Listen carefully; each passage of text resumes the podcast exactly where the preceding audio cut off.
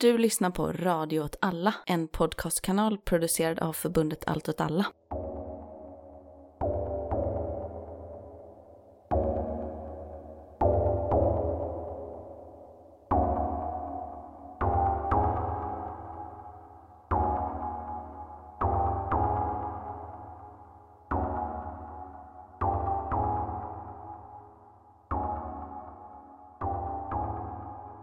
Hej välkomna till Eld och rörelse. Udda krig och perspektiv.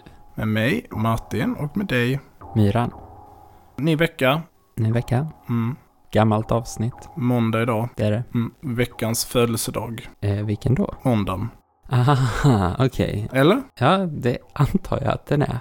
Spelar in ett tre dagar innan, innan släpp här. Den här delen gör vi det då. För vi Just ska det. bjuda på ett rykande färskt eh, försnack istället för något eh, extremt utdaterat. Just det. Bra med dig? Det är bra med mig. Ja, du är tillbaka i skolbänken. Jag är tillbaka i skolbänken från och med idag. Mm. Det har bara varit trevligt faktiskt. Bara trevligt ja. Ja. Du jobbar vidare. Karriären. Ja, på min karriär. Ja, Absolut, på din- precis, precis. Hur går det? Det har gått bra idag. Ja. Jag vet inte vad du, vad du vill. Det var jag ute efter. Nej. Nej. Trevligt. Ja, ja. Jag tycker att vi raskt eh, går över till veckans nyhetssvep med eld och rörelse. Absolut, det är en bra sak. Det har hänt mycket sen sist. Jag har fått fruktansvärt mycket påtryckningar. Jag har fått sms och sånt. Oj, okej. Det här måste ni prata om. Gör ett avsnitt när vi förklarar allt om Afghanistan. Mm. Och då kanske man vill börja med att säga att eh, man kan jävligt lite om Afghanistan. Ja.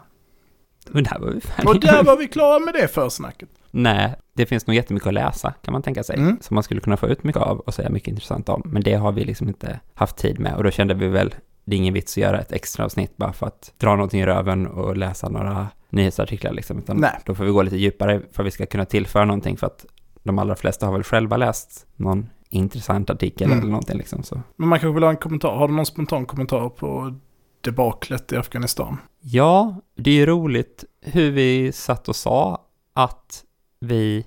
Dels så har vi väl också gissat på att talibanerna skulle vinna om några månader och sånt liksom. Mm. Så att man får väl erkänna att det var förvånande att det gick så snabbt. Även ifall det inte är förvånande att de lyckades liksom. Gjorde inte vi ett vad om det här? Där jag sa typ tio dagar och så tog de det på fem. Så det är möjligt. Jag, det enda vadet jag minns... Det enda valet är att jag ska det om USA inte kan projicera global makt när mina barn börjar skolan. Det är... Det är tvärtom. Det, Mm. det här Ja, finns på Twitter. Okej. Mm. Mhm. Jag vet också att vi tog ett vad för någon tid sedan om ifall Iran och USA skulle svara på aggressioner i Persiska viken, tror jag. Just det. Vi gjorde ett vad på om Israel. Just det. Och liksom USA, Rumänien och England och så vidare skulle svara på den här drönarattacken mot ett, ett fartyg i Omanbukten. Det gjorde de inte, precis som jag förutspådde. Men de gjorde någonting. De uttalade sig eller någonting. Ja, de sa det här får man inte göra, det här borde ni verkligen sluta med. ja. Ja, det är hårt. ja, då vann du väl det valet då. Okej, men vi har också sagt att typ, eller du sa väl kanske framför allt att jämförelsen mellan Afghanistan och Vietnam inte är så rättvis liksom. Nej. För att talibanerna inte är en statlig armé som Nordvietnams armé var. Men jag tänker att det ändå kommer vara en jämförelse som kommer finnas där för alltid nu. För att scenerna när man evakuerar personal med helikopter från ambassaden till flygplatsen, liksom, det är så likt från Saigons eh, Ambassaden i Saigon. befrielse. Mm. Ja, precis. Och eh, det kommer ju för alltid vara då Bidens misslyckande Mm. i tillbakadragandet kommer ju liksom vara en känd historisk händelse. Ja, och självklart den liksom organisatoriska sorgen på något sätt, eller såret, recitamentet i den amerikanska armén. Alltså för det, ska vi inte fastna i Vietnam, men om man debatterar Vietnamkriget, det låter dumt, men om man liksom befinner sig i den amerikanska sfären om debatten runt Vietnamkriget eller liksom det amerikanska kriget, så återupprepar liksom amerikanerna så att ett par lögner, eller inte kanske lögner så mycket som påstående för att något sätt lindra deras förlust. Ja men det var politikerna som högg oss i ryggen, vi höll på att vinna det här, det här gick jättebra, om vi bara hade fortsatt hade vi klarat det. En vanlig lögn. En annan lögn, Egentligen vann vi, för vi dödade ju flest. ja. Eller vad det nu kan vara liksom, att man, man åt på ett sånt sätt som man bara gör ifall man är väldigt medveten om att man förlorade. Ja. alltså för att annars hade man inte behövt återupprepa den lögnen så för sig själv. Och Vietnamkriget har ju legat som liksom ett, ett stort sår av flera skäl. Och jag tror att Afghanistan kommer skilja sig på det sättet. Det kommer vara ett sår. Men Vietnam var ju också ett sår på grund av att opinionen i landet och globalt på något sätt, inte kanske bland eliten, men bland vanligt folk, var ändå, men till stor del var, ni har gjort skit. Ni är barnamördare, det här var helt meningslöst, ni har gjort det här helt ogenomtänkt och meningslöst och dumt och ont. Ni har varit onda, det här, ni har förtryckt det här landet. Och många av de sakerna går ju att säga om afghaner då ja. Mm. Men narrativet är ju, ni var där och befriade dem från talibanerna, alla flickor fick gå i skola, bla bla. Nu har ni dragit er tillbaka, nu så sviker ni för att ni lämnar, inte för att ni, ni har inte varit där och förstört. Man kan ju säga att det, det finns det ju aspekter av ja. det där också, såklart att det har funnits, vad är det nu, är det 40 procent av flickor i Afghanistan har fått gått i skola som mest under USA, liksom. Det framställs ju gärna som att det var hela landet och så, men det var väl mer de urbana mm. områdena det faktiskt genomfördes och så. Jo, men jag tänker också att det, i den berättelsen, så att alla de människorna som säger att USA sviker, nästan, hatar ju också människor från Mellanöstern. Förstår du vad jag menar? Alltså att... Jag tänker ändå att det finns många liberaler som liksom bara tror på den här idén om att det var ett freds och demokratiprojekt att invadera Afghanistan. Jo, jag tänker att de är en ganska liten grupp bland gemene man. Så är det alltså kanske. antingen så tänker ja. man ju, antingen har man åsikten, eh, vad fan hade USA där att göra? Det blir ju skit av det här. Jag blir idiot, det var meningslöst, ni har bara stort upp mer krig. Eller så är man av åsikten, vad fan hade USA där att göra? Försöka skapa fred och sånt skit. De jävlarna vill ju bara ha det så här. Det är två absolut poler. Jag är inte, jag är inte säker på att det är en så liten grupp, men visst, vi... Mm. Nej, jag, vet, jag tänker att man ganska sällan stöter på sån Albright uttalad liksom liberal expansionism där man, eller interventionism där man ska liksom invadera fram demokrati. Det känns som ett 90-talsfenomen liksom. Att man så uttalat säger liksom. Um, jag tänker att det skulle vara liksom den socialdemokratiska, centerpartistiska, kanske till och med miljöpartistiska linjen liksom. Med att de vill hoppa över invasionen nu är vi här så nu får vi göra det bästa av det här på något sätt. Nu är ju situationen sån här. Man ska säga någonting om situationen. Ja, men man kanske säger varför lyckades det? Eller så. Det verkar väldigt genomgående som för att talibanerna behövde inte slåss så mycket som att ANA, alltså Afghan National Army, heter de va? Mm. La ner, gav upp, upplöstes liksom mm. på vägen. Och folk gick över till dem helt enkelt för mm. att man bara visste att talibanerna kommer vinna, det blir som självuppfyllande på något sätt.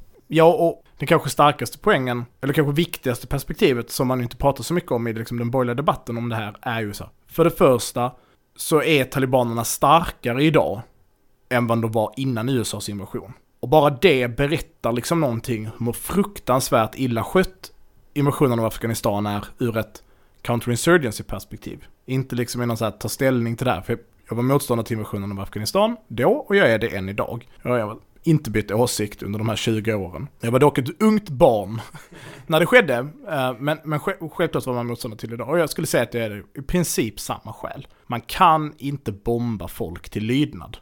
Man kan inte skapa stabila, välmående länder genom att utifrån tvinga det på dem. Och en deltagande demokrati och sånt som är liksom målsättningen här är ju verkligen omöjligt att tänka sig att man ska kriga fram liksom på det sättet. Och det visar sig väl bara hur, liksom, hur lågt förtroende också har funnits för den helt sönderkorrumperade afghanska staten. Det pratar man inte så mycket om kanske heller, hur liksom paj den har varit och just korrupt då liksom. Men vad var det, 25 procent som röstade i senaste mm. presidentvalet liksom, för att övriga befolkningen har inte ens så mycket förtroende att man vill ens rösta liksom. Nej, så självklart har det också påverkats av politiskt tryck från de här rörelserna, att man inte ska delta och legitimera den afghanska staten. Men alltså det USA har gjort, och det här är ju egentligen deras konsekventa upprorsbekämpningslinje, det är ju att hitta människor som är beredda på att mot betalning och makthunger få en maktposition och som kan köpa andra människor att liksom sluta sig runt om och skapa en sfär. Det är så USA har försökt skapa sina demokratiseringsrörelser då, om man ska vara snäll mot dem och beskriva det som det. Och det innebär ju att man i praktiken har allierat sig med banditer och krigshövdingar och korrumperade politiker. Knarkbaroner i väldigt hög utsträckning I- Afghanistan absolut. eftersom opiumproduktionen har väl också växt Absolut. under USAs influens liksom. Och sen har man hällt pengar på dem. Och så parallellt såklart så har man bedrivit liksom tusentals andra NGO-projekt i försök att starta upp eh, och förbättra situationen i Afghanistan. Men i grund och botten så har man helt saknat en egen rörelse med egen agens och drivkraft som har varit stark nog att på något sätt ersätta den förra makten. Utan att gå in i detalj liksom, exakt hur allt de, alla de här sakerna har skett, så tycker jag att det är ganska uppenbart om man bara liksom läser om Afghanistan och utvecklingen i Afghanistan. Och, och det här går igen i USAs liksom modell. Ja då, om man ska dra parallellen till Vietnam, så är det ju liksom exakt samma sak som de gör där. De tar vem som helst och säger nu jobbar du för oss, vi har ingen annan att välja på. Du är ett skithuvud, men du är vårt skithuvud, så det, det får bli det. Som bokstavligen talat John F Kennedy sa om DM i Vietnam då. Men det är ju inte heller så att konflikten på något sätt, och, här blir det väl en Vietnam-parallell igen då, men liksom att det är ju inte heller så att konflikten tog slut på grund av ett manövermässigt, liksom manöverkrigsföring mot, mot eh, USA. Utan konflikten tog ju slut på grund av att USA vid en viss punkt sa nu orkar vi inte den här konflikten längre, vi börjar förhandla och vi förhandlar utan vårt skithuvud. USA förhandlade direkt med talibanerna under Trump Mm. och kom till det här fredsavtalet. Och när det var på plats, då bestämde Trump att nu ska man dra sig ur. Mm. Och sen så sa Biden, det ska vi absolut göra. Ja, och det här börjar ju någonstans under Obama. Eh, Så att det är liksom, det, det blir verkligen politiskt, eller man säger, över, över hela skalan i USA. De här två partierna då. Och det däremot finns det ju, har man ju läst mycket om. Varför det är så och vad det är liksom för global förändring som håller på att hända. Och där kan man väl liksom i enkelhet säga att den processen som sker nu, den börjar ju någonstans med Obama. Som ju handlar om den här lead from behind.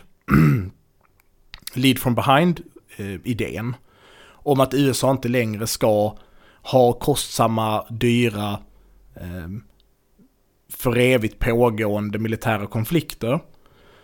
Utan att USA nu måste börja bli mer protektionistiska och att deras allierade, alltså läs NATO, måste ta större ansvar i dem.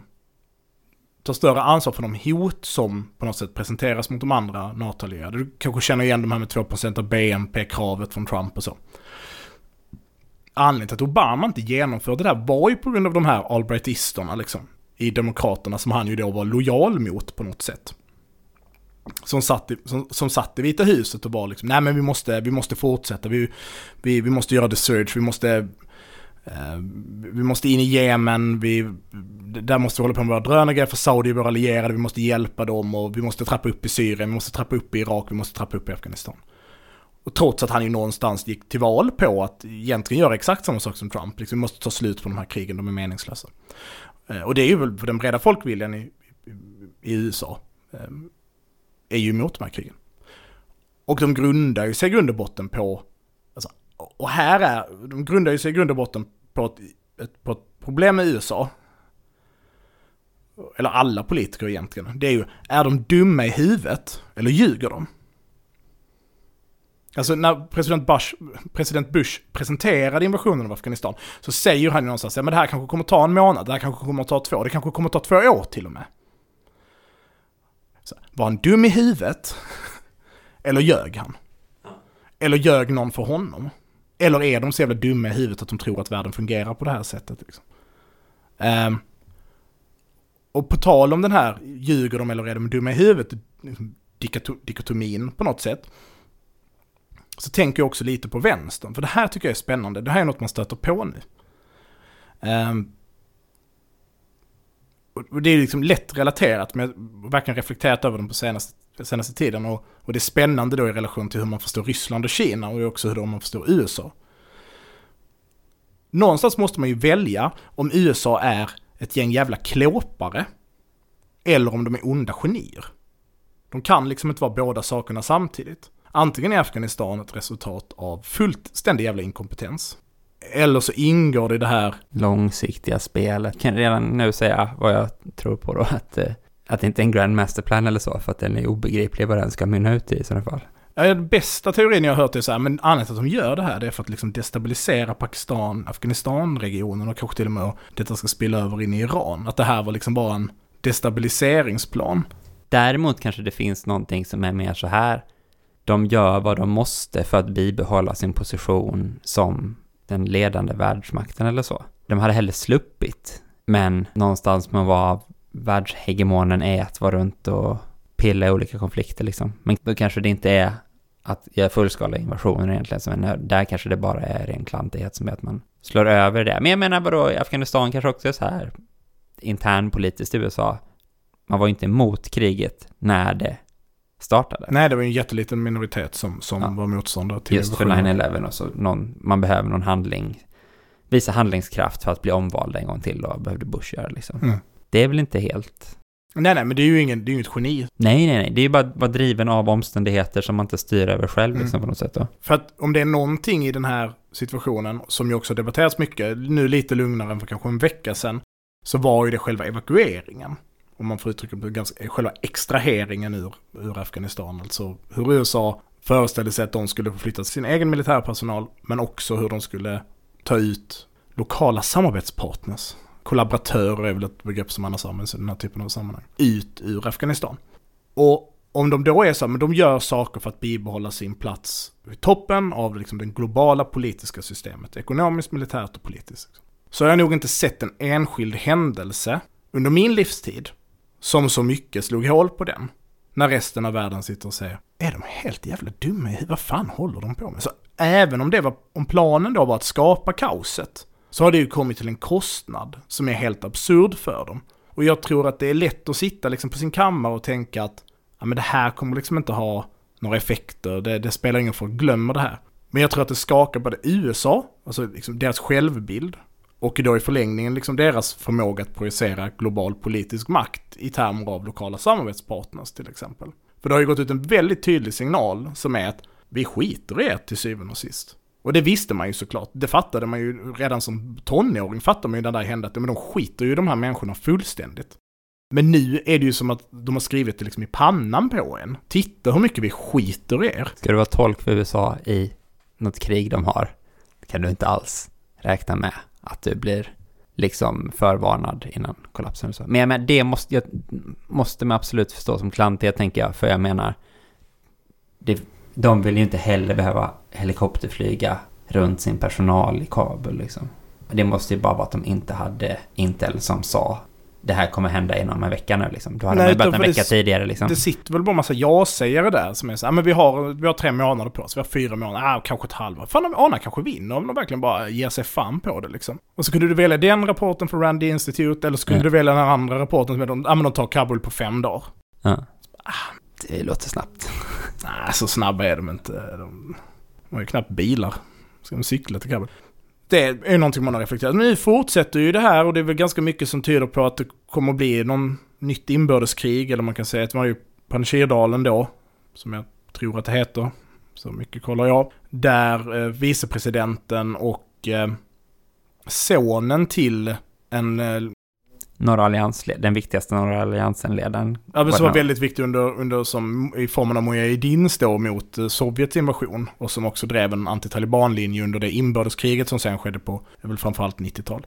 Och ehm, Och också de som sen bidrar, alltså det är väl i samarbete med dem som USA slår talibanerna sen. Anledningen till att man vinner kriget första gången på något sätt liksom, är väl för att man går i samarbete med norra alliansen. ja men precis, och, och det är väldigt enkelt kan man väl säga att det är för att talibanerna, likt många andra fascistiska strömningar, gillar etnicitet väldigt mycket.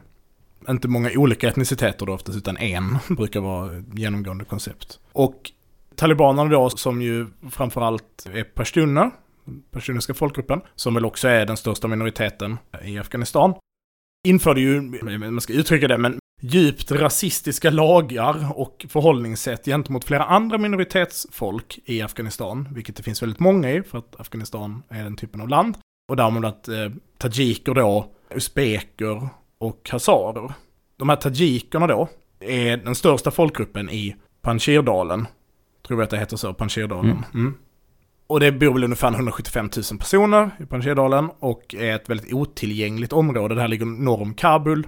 Och det har ju då liksom varit den platsen där delar av ANA, framförallt den tajikiska delarna av ANA tillsammans med vicepresidenten har flytt till och nu då utropar någon typ av motståndsrörelse som ska verka därifrån.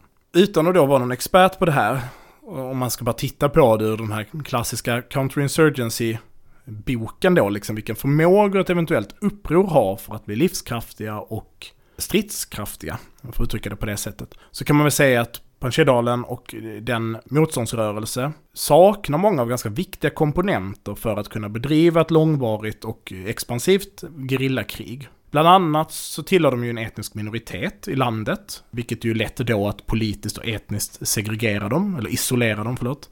De saknar ju också gräns till andra nationer, i den meningen att de alltså inte bara är isolerade till sin grupp, utan de är också isolerade i rent geografiskt på möjlighet att föra in vapen eller annan infrastruktur. Och det gör ju också att de i praktiken kanske saknar riktig inkomstkälla, alltså sätt att få pengar på. Kommer USA upprätta någon luftbro till dem liksom? Eller andra internationella? Ja, då får de göra det med helikopter. Och det känns ju inte som att USA kommer hålla på med det. Det här ligger ju trots allt inte mitt i Afghanistan, vill säga, men en bra bit in i Afghanistan. Men då kan de inte flyga plan ut och in? Eller de kan inte landa där? Nej, då får de ju släppa saker. Ah, och det, okay. det är möjligt liksom. Men ja. ja. Det blir inte en ekonomi som man kan handla med riktigt nej. då? Utan, nej. Men, men det är verkligen bara mitt lekmannatake på det här. Vi får väl se. De kanske tar Kabul om, om fem dagar de också.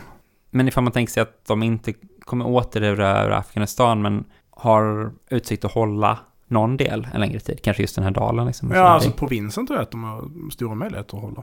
Bara för att den är så geografiskt otillgänglig. Det finns väl i princip en större färdväg in i, i dalen.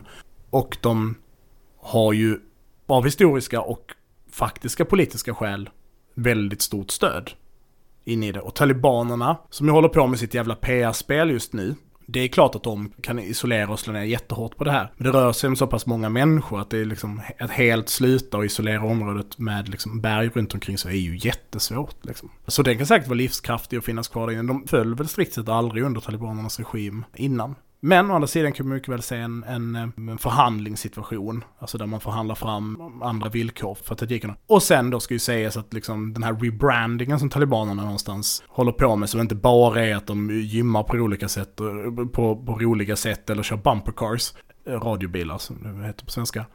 Så är det ju också så att talibanerna har ju försökt i någon mening att bredda sin politiska sfär, att mer bli liksom statsmannamässiga i sitt sätt att de representerar fler minoritetsgrupper i den talibanska rörelsen och så. Vilket man dels väl tror då beror på att de faktiskt har suttit i Doha och förhandlat med andra internationella delegationer och så. De har bemötts som liksom en rättmätig part på något sätt. Vilket ju inte heller har pratat så mycket om på senare år, men det har ju faktiskt skett hela tiden att, att olika förhandlingar med talibanerna och bara det skapar ju på något sätt ett incitament. Nu får vi vara med i någon utsträckning i världssamfundet då. Det har man ju faktiskt börjat med redan innan det här. Och då kanske man har större incitament, särskilt som ett ledarskap, att liksom anpassa sig då. Eh, men också måste man förstå det i relation till IS, tänker jag. Att det blir det här som vi också har sett i Syrien och Irak och så, att det blir ett vinnande koncept att vara en jihadistisk rörelse men som ändå inte är så tok jihadistisk eller så tok extremistisk liksom som IS. För att det har mer folkligt stöd, så då kan man vinna på det sättet genom att då definiera sig, vi är inte dem liksom. Vi, vi gör inte de här stora övergreppen liksom som de gör. Nej, framförallt så kan man bygga riktig lojalitet istället för att bygga lojalitet på rädsla bara. Jo, men det är väl så man vinner ja, menar jag. Ja, precis. Ja. För att om du håller på och bränner folks barn i ugnar så kommer de människorna också hugga dig i ryggen och strida med dig tills de dör. Men ifall man är det enda alternativet på något sätt så kanske man håller på med lite sånt för att det ligger ju i ens natur då som mm. fascism på något sätt. Men ifall man då har någon att spegla sig och säga det där är inte vi, då kan man ju kanske mer konsolidera sig kring att det inte var det. Samtidigt som, precis som du sa i början, får man förstå också att det är ett PR-trick liksom. Det kommer ju säkert mördas mängder med människor utav helt absurda anledningar. Ja, helt sjuka lagar runt, runt kvinnor så. Det väl blev spännande då när man pratar om de här brohuvudena, det är väl fundera lite vad USA kommer göra nu. Eller hur vi överhuvudtaget väst kommer förhålla sig till jihadism då, om man vill uttrycka det på det sättet. Och särskilt i relation till hur då Pakistan och Kina verkar förhålla sig, och Ryssland också, mm. liksom ännu mer behandla det som nu bara en förhandlings parter bland andra. Så. Och där tror jag att vi kommer, man ska titta på Israel för att förstå framtiden. Och då menar jag inte att bygga gigantiska utomhusfängelser där man stoppar in människor. Utan att man kommer eh, bedriva kontraterrorism som faktisk terrorism. Och det var ju uppe på tapeten som svar på 11 september. Att inte invadera hela landet utan... Bara bomba hela Ja. landet. Ni dödar 2000 av oss, eller 3000 av oss. Vi dödar 2-3000 av er. Ja. Som någon typ av pingpong med människoliv. Ja. Och det är ju ganska likt Israels modell. Alltså att ni gör något mot oss, vi svarar med... Det är ju inte terrorism eftersom att det inte är en man med skägg, turban och ett bombbälte på sig. Men istället så levereras bomben via en drönare eller ett flygplan. Men om vi tar senaste Gaza-invasionen till exempel så kunde man ju tydligt se vissa så, ja men sprängning av det här mediehuset till exempel är ju ett supertydligt exempel på det. Som är så här, men nu bestraffar ni bara. Alltså det här, är, det här är ren bestraffning och rädsleskapande. Jo, och så gör man det på ett väldigt ordnat sätt och Mm. att man säger att journalisterna får chans att gå ut därifrån. Det är fortfarande det som är liksom... Ja precis, så Hamas har utrustning här inne. Så vi måste bomba det här huset. Ja. De kommer nog hinna få sin utrustning ut ur huset. Men, och det är ju ganska likt det Israel gör mot Iran. Där jag inte tror att det fungerar. Eftersom att Iran är en stat. Men att man kan tänka sig en sån modell som är mot talibanerna då eller andra jihadistiska grupper som får fotfäste där man inte vill göra stora markoperationer. Eftersom att de inte heller fungerar då. Alltså att man säger om vi kan pinpointa terrorism som är gödd ur er eh, kammare liksom. Så kommer vi straffa er för det. Och då kommer vi bomba lite folk i ett ledarskikt, vi kommer att sluta infrastruktur för er, alltså infrastrukturen i meningen liksom krigsmateriel eller andra saker. Vi kommer att försvaga er. Vi kommer att spränga dammar, vi kommer eh, klippa elledningar och det här kombinationen med sanktioner. Och sen så lättar man lite på dem efter ett tag och säger vill ni prova att göra det? Och helt enkelt då är man ju inne i den här nästan evolutionära modellen på att behandla insurgenter då, eller vad man ska beskriva dem som. Icke-statliga fientliga aktörer. Så det tror jag är det vi kommer att se. Och jag tror att det är det Ryssland förbereder sig på att göra. De har ju förstärkt upp via deras eh, NATO, den här försvarsalliansen som, som Ryssland har tillsammans med grannländerna där, norra grannländerna framförallt. Eh, förstärkt upp alla de gränserna och sen så har de flyttat över eh, rätt mycket strids, eh, lyftstridskrafter liksom. Och väl i princip sagt till talibanerna att börjar ni sprida liksom jihadism in i, i de här gränsområdena, då kommer vi börja bomba som svar. Ja, och Kinas deal var ju att ni måste stoppa uigurisk jihadistisk organisering så att det inte läcker in i Kina. Talibanerna är ju riktiga vinnarskallar. Det är ju även Georgiens eh, president Micke. Jajamän. Före detta ska vi säga. Nu kommer ni få lyssna på del två då, eller fortsättningen på vårt avsnitt om eh, rysk-georgiska kriget 2008. Och där det avsnittet tar slut så har 7 augusti precis eh, utspelat sig. Georgiska trupper har mobiliserats upp till gränsen, cyberattacker har skett från Ryssland och eh, kriget ska precis ta sin början. Lyssna på det andra avsnittet innan ni lyssnar på det här. Ja, nu kan ni göra det. Stanna, pausa, gå tillbaka, lyssna för avsnittet så kan ni komma tillbaka hit. Precis.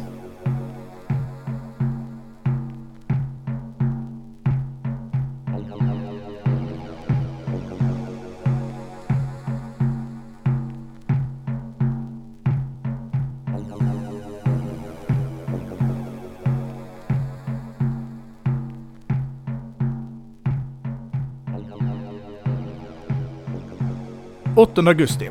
Tredje och fjärde georgiska infanteribrigaden slår sig liksom snabbt fram för att försöka skära av sin valley på västra respektive östra sidan.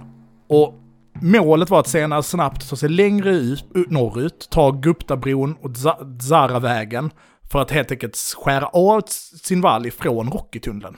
Det här är inga jättestora avstånd det här handlar om liksom, men Nej. man ska gå in, klippa runt och sen så blockera för att man fattar ju att De kommer komma genom tunneln. det stora hotet är vid tunneln. Och det sägs här också att det görs försök att spränga tunneln.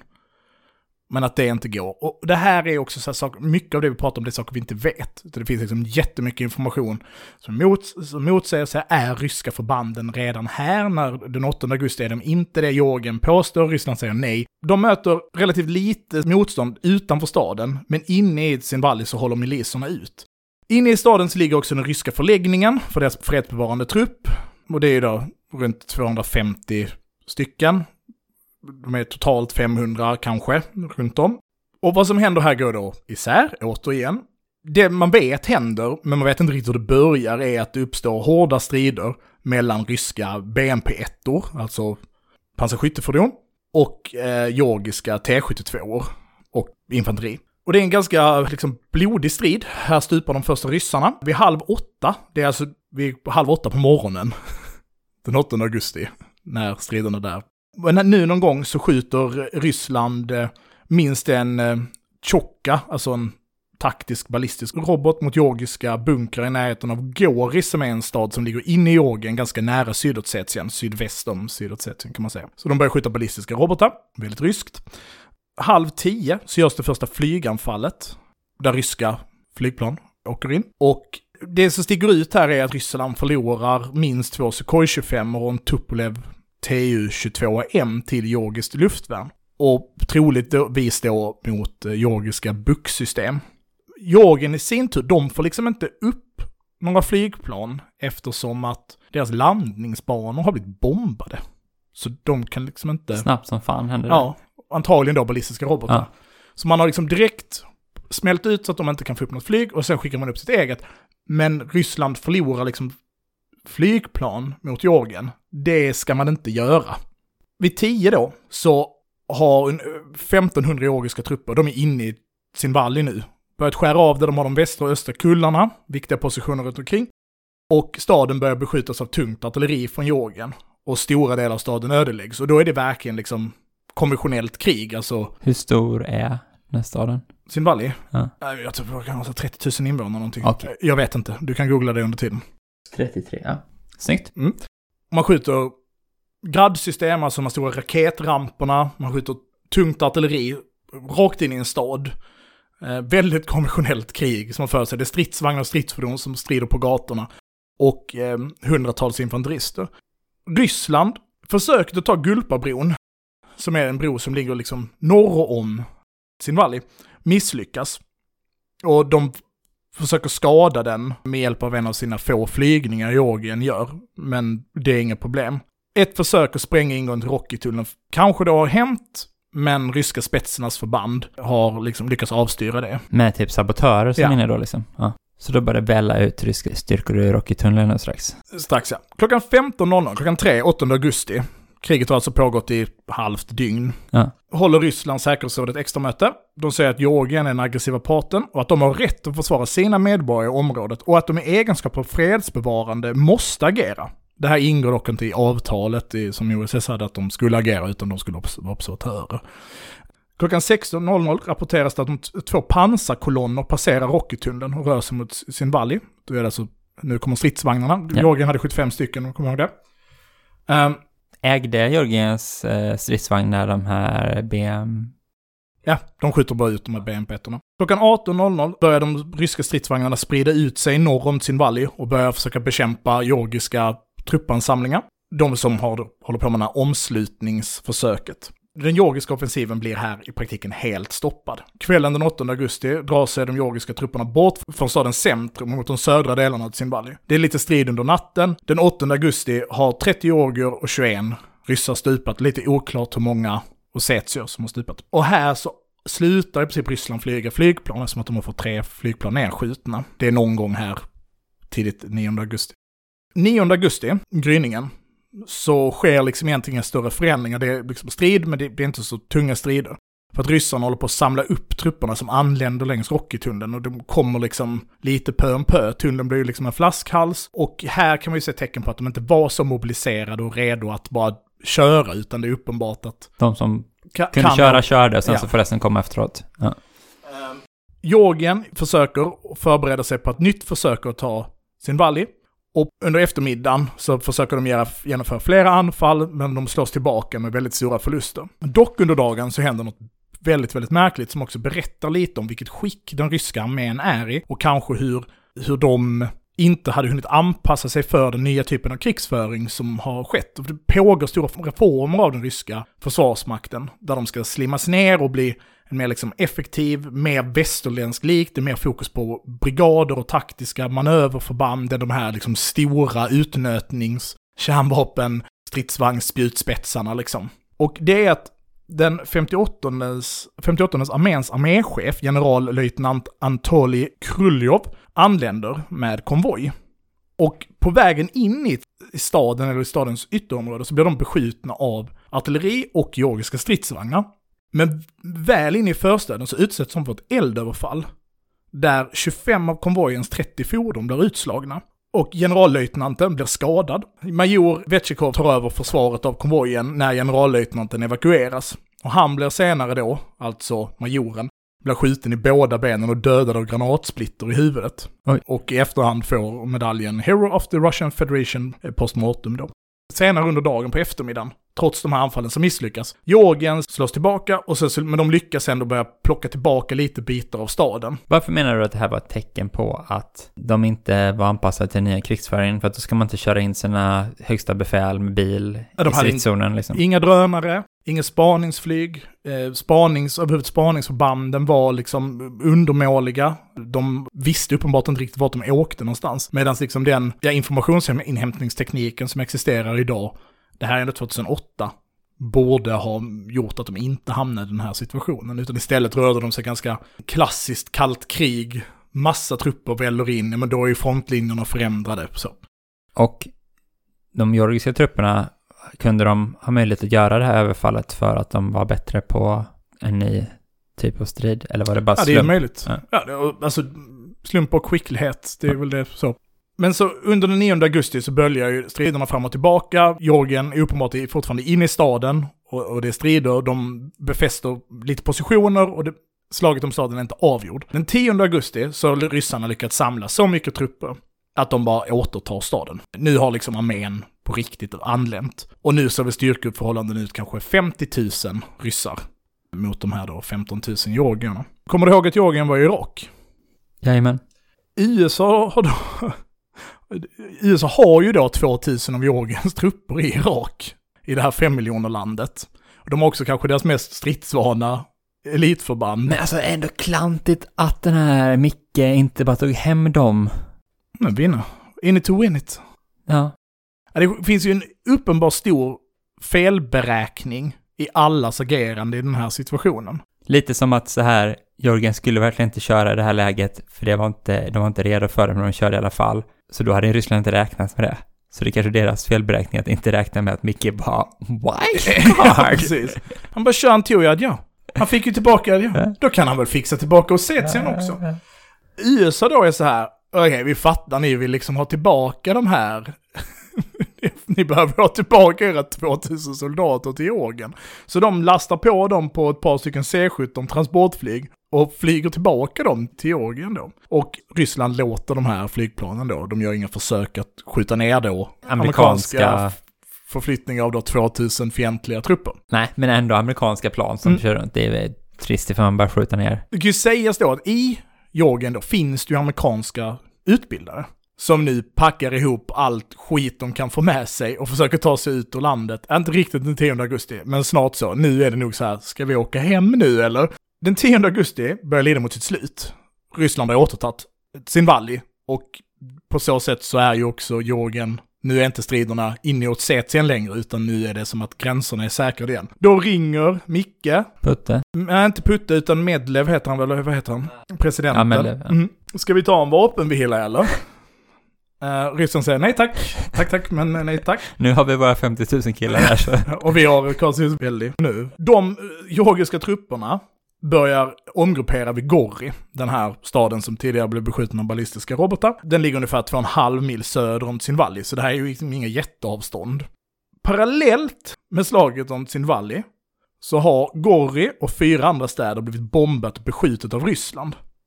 När då Ryssland svarar och säger nej men det blir ingen vapenvila, då börjar Georgien i sin tur då dra bort trupperna från Gori och flytta dem för att förbereda försvaret av Tiblis. Den 12 augusti, nu hoppar vi lite i tiden här, men den 12 augusti så säger franska presidenten Sarkozy. ja, att han eh, har förhandlat fram en vapenvila som Ryssland kan godkänna. Ryska trupper anländer till Gori den 13 augusti, alltså dagen efter de har förhandlat fram en vapenvila Ryssland kan godkänna. Ingen har godkänt en vapenvila, men Men, men Zacke säger, Zacke säger, ja, Ryssland har gått med på att vi lägger fram det här förslaget. Ja. Ryssland tar Gori den 13 augusti och har då i pr- praktiken delat Georgien i två på grund av liksom motorvägarna. Och efter att Gori då blivit bombat, inklusive sjukhus och mediacenter, så fortsätter de ryska trupperna. Nu ner mot Tiblis. Rysslands president säger att han, eh, att han har beordrat ett eldupphör.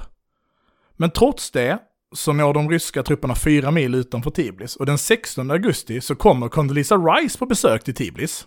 Då är alltså en rysk armé fyra mil från staden för att vara med när Georgiens president Micke då skriver under fredsavtalet. Men det, vi har ju mest pratat om Abchasien. Innan ja. Ja, vad händer där? Det vet inte jag. Jo, här finns en annan front. Som också Ryssland verkar varit ganska på hugget att dra igenom. Den 9 augusti, dagen efter Georgien anfaller Zimbabwe, så beskjuts georgiska trupper i Kodoridalen och ryska Svarta havet-flottan anländer Hallå, hallå. utanför, eh, precis utanför georgiskt nautiskt territorium.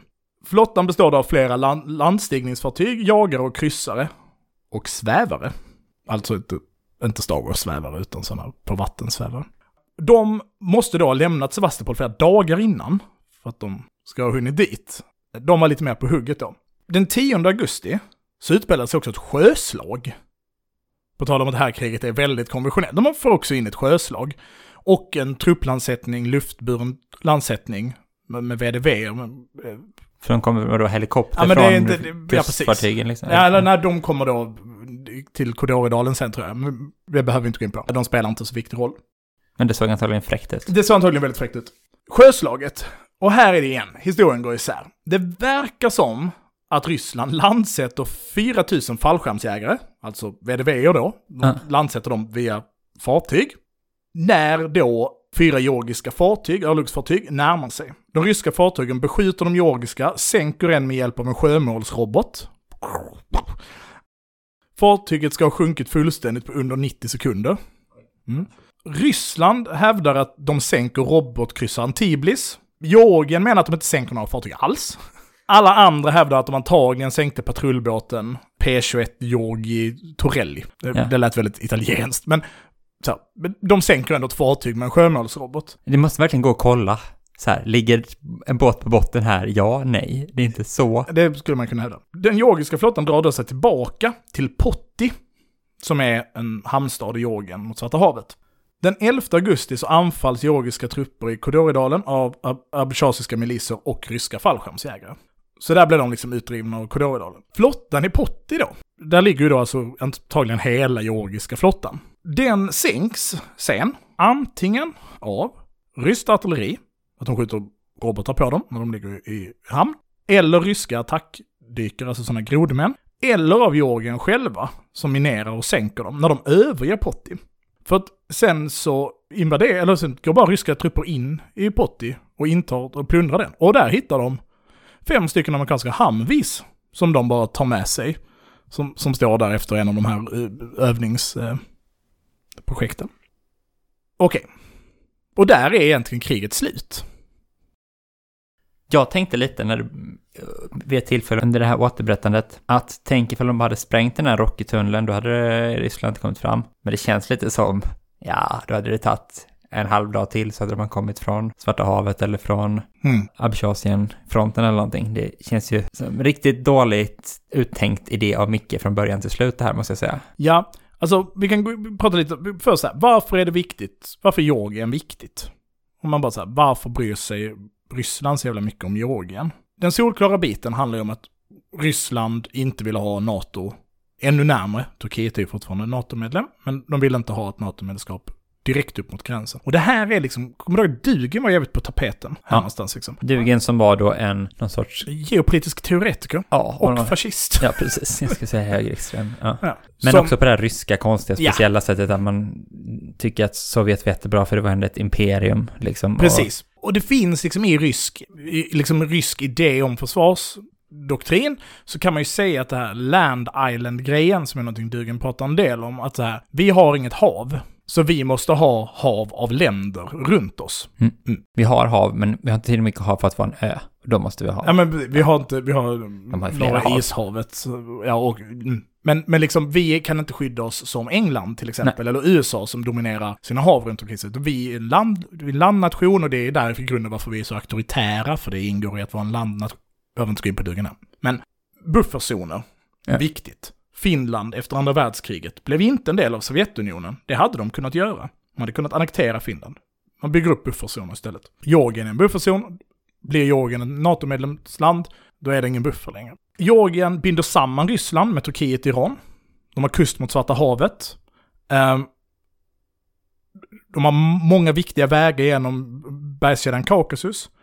Och de är då ett transitland. En transitled för olja från Azerbajdzjan, Iran, då till Turkiet och till Europa. Olja och naturgas. Ja. Viktigt när vi ändå ska binda ihop de här två avsnitten. Ja, som vi ändå ja. flaggat ganska mycket för att det skulle följa ett väldigt tydligt tema som skulle vara att det finns gasledningar även i Georgien. Det har jag inte varit inne så mycket på ändå. Jag är Nej. inte besviken. Du är inte besviken? Lite besviken? Lite besviken. Jag bara känner som att jag har satt min heder i pant och förlorat den. Mm, du hade ingen heder Nej. till att börja med.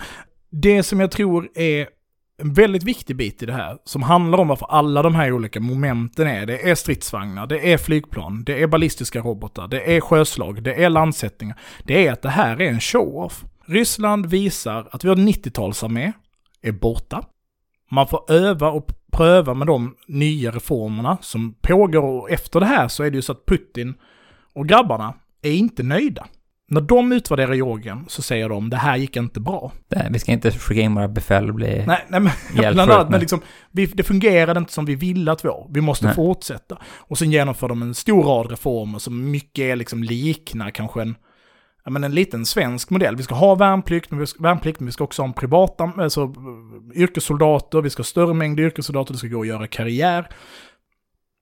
Vi behöver många nya teknologiska system som måste byggas upp, bland annat då eh, varför flygplan blir nedskjutna, vi behöver elektronisk störutrustning. Så mycket av de sakerna som Ryssland har utvecklat sedan 2008. Men framför allt så visar de, vi är en armé igen, vi har en försvarsmakt, vi kan slåss. Och, och det tror jag är varför alla de här momenten är med. Ja, men nu får vi öva på att göra en, en landsättning av 4000 soldater. Och nu visar vi dessutom världen att vi kan landsätta 4000 soldater i ett krig. Sen råkar ju kriget vara mot Georgien, som ju också nästan bara då har ryskt krigsmateriel, förutom de här fem Humveesarna som de stal. Men det tror jag är jätteviktigt. Fredsavtalet kanske man ska nämna. Vad ingår då i det? Jo, Dmitrij Medvedev, som jag tror presidenten i Ryssland heter, och eh, Nicolas Sarkozy, de hade Sarkozy. Mm. Sarkozy, Sacke säger vi. Nicolas Sacke, Nicke Sacke. Sarkozy. De har ju jobbat fram det här fredsavtalet, för det är uppenbart att det är Ryssland som någonstans först måste godkänna det, för Georgien har inte så jävla mycket att säga till om, för de har en fientlig armé fyra mil utanför Tiblis. Ehm, och från början var det fyra punkter, Ryssland krävde ytterligare två. Det är lite saker som stryks ur det när Georgien går med på det. Men i enkelhet så är det så här, punkt ett. eh, no recourse to the use of force. Det Ganska- rimmar. allt är rim. Men det är ganska logiskt. Vi, vi ska inte... Vi ska inte slåss Vi mer. ska inte återgå till stridande. Nej. Definitive cessation of hostilities. Sluta bråka. Ja. Fast med andra ord det. Free access to humanitarian aid. Ja, det rimmar inte. Jag är besviken. Eh, Georgian military forces must withdraw to their normal bases of encampment. Också ganska logiskt. Russian military forces must withdraw to their lines of prior to the start of hostilities. Egentligen samma sak då. Båda ska gå hem till sig. Ja. Fast de, Georgien ska gå tillbaka till sina baser. Ja, de ska gå in hemma och sätta, Ja, sätta sig ner och tänka på vad de har gjort. Dricka sånt orange vin. Det är stort, Georgien. Det drack jag första gången när vi var ute. Och tweet, när vi hade en tweet-up. Ja. Och jag. Det var inte gott, Nej. tyvärr. While awaiting an international mechanism, Russian peacekeeping forces will implement additional security measures. Det ska vara lite säkert. Det är som att vi ska, vi ska inte riktigt dra oss tillbaka lika mycket som... Nej, fram tills någon internationellt samfundet går in och löser det här så ska vi se till att Ja. det inte blir mer bråk. Ja. Mm.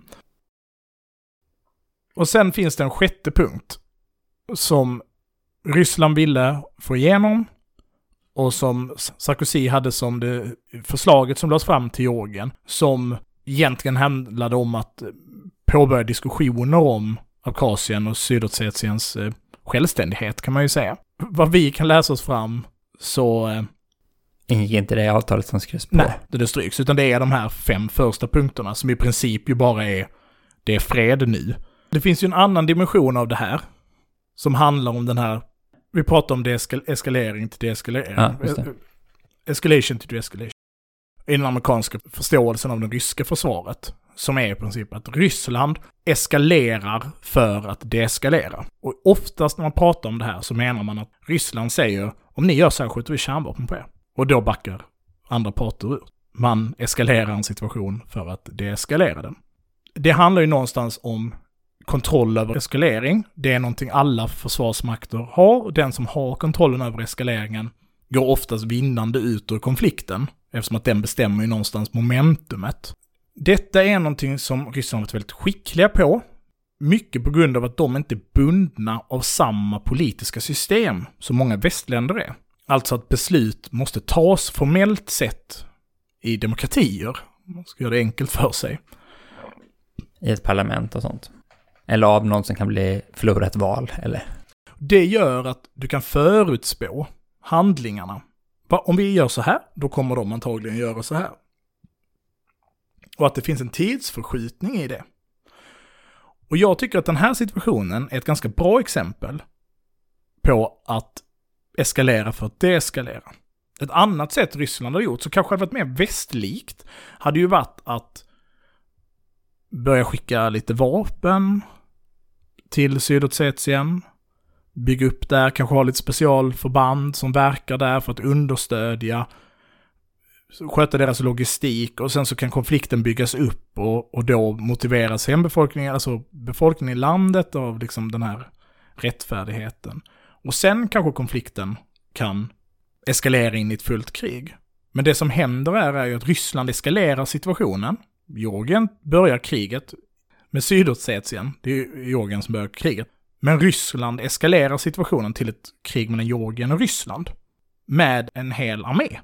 Alltså med en så stor, och det här, alltså 58 armén har kärnvapen, det råder det ingen tvekan om.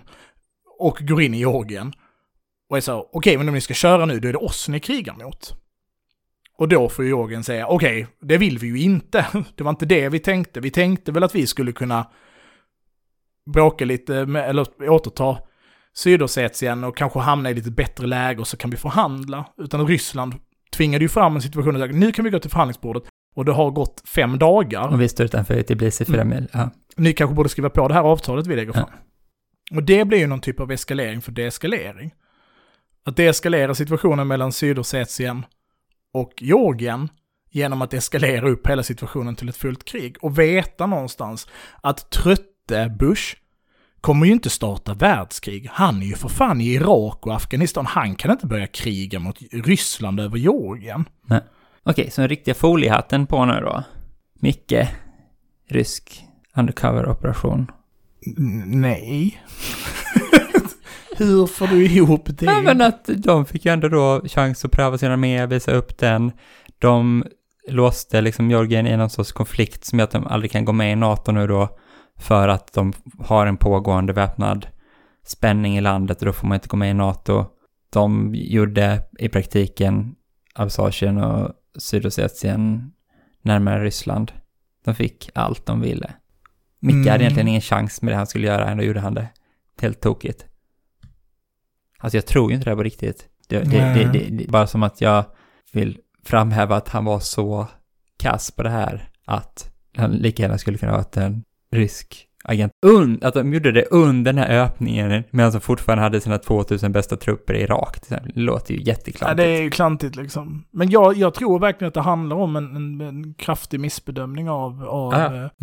ja, men det tror jag också på riktigt. Jag tror att inte att han är... Nej, att Ryssland, de, de tänkte verkligen att Ryssland kommer liksom inte gå in i öppet krig med det här. Och vi behöver bara ta oss fram till Iraktunneln och sen kommer liksom inte Ryssland, då är det Nej. jättejobbigt att, att, att återta. Och det är också skillnad på att återta och invadera. Alltså det är skillnad på att försvara och invadera. Mm. Att om Sydossetien hade blivit inneslutet av, av georgiska trupper och liksom de här lite långsammare mekanismerna för att gå i krig liksom med en de parallell debatt kopplat till det. Nu skedde det ju liksom krigshets innan då, det ska ju man vara tydlig med, med de här medborgarskapen och, och så. Men jag tror att de hoppades på snabbt gå in, göra schackmatt, då sätta sig vid förhandlingsbordet med Ryssland. Ja och säga okej, okay, men okej, okay, Sydossetien ska gå med på den här federala lösningen så blir det jättebra. Mm. Och så är Ryssland säger, ja, vi kan inte göra någonting åt det här nu.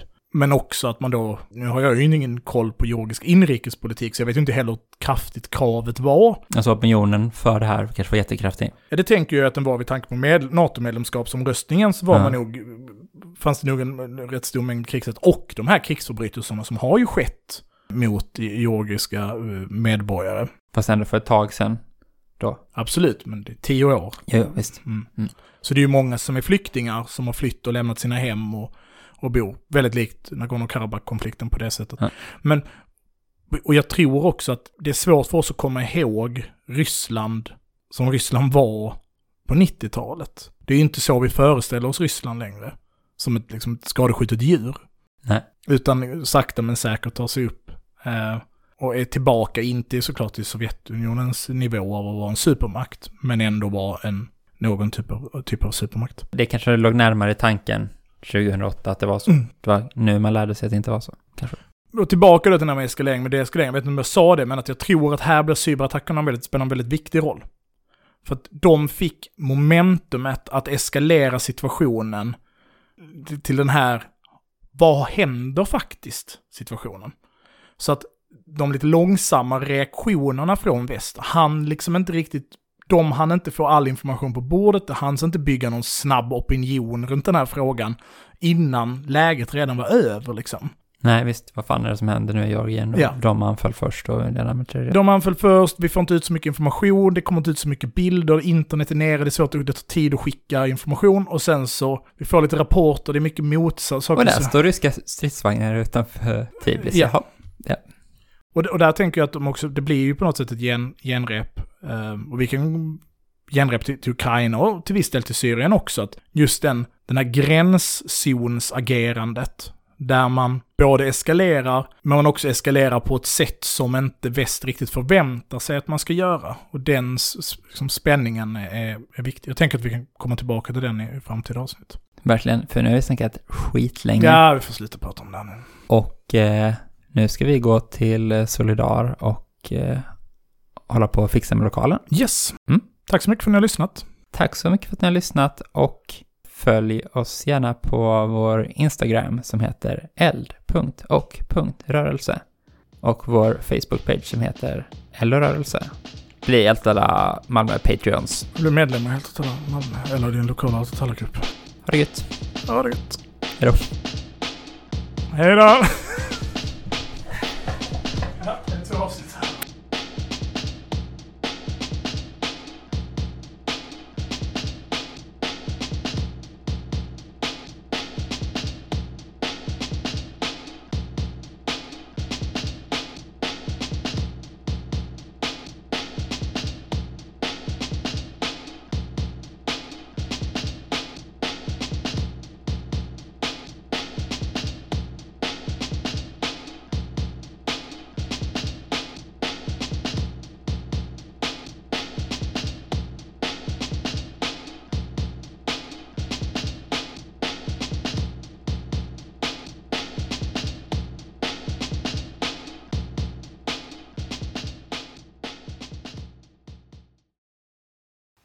Trinwale. Trinwale. Tbilisi. Tbilisi. Nicolas Sarkozy. Nicolas Sarkozy. Panchir. Panchir.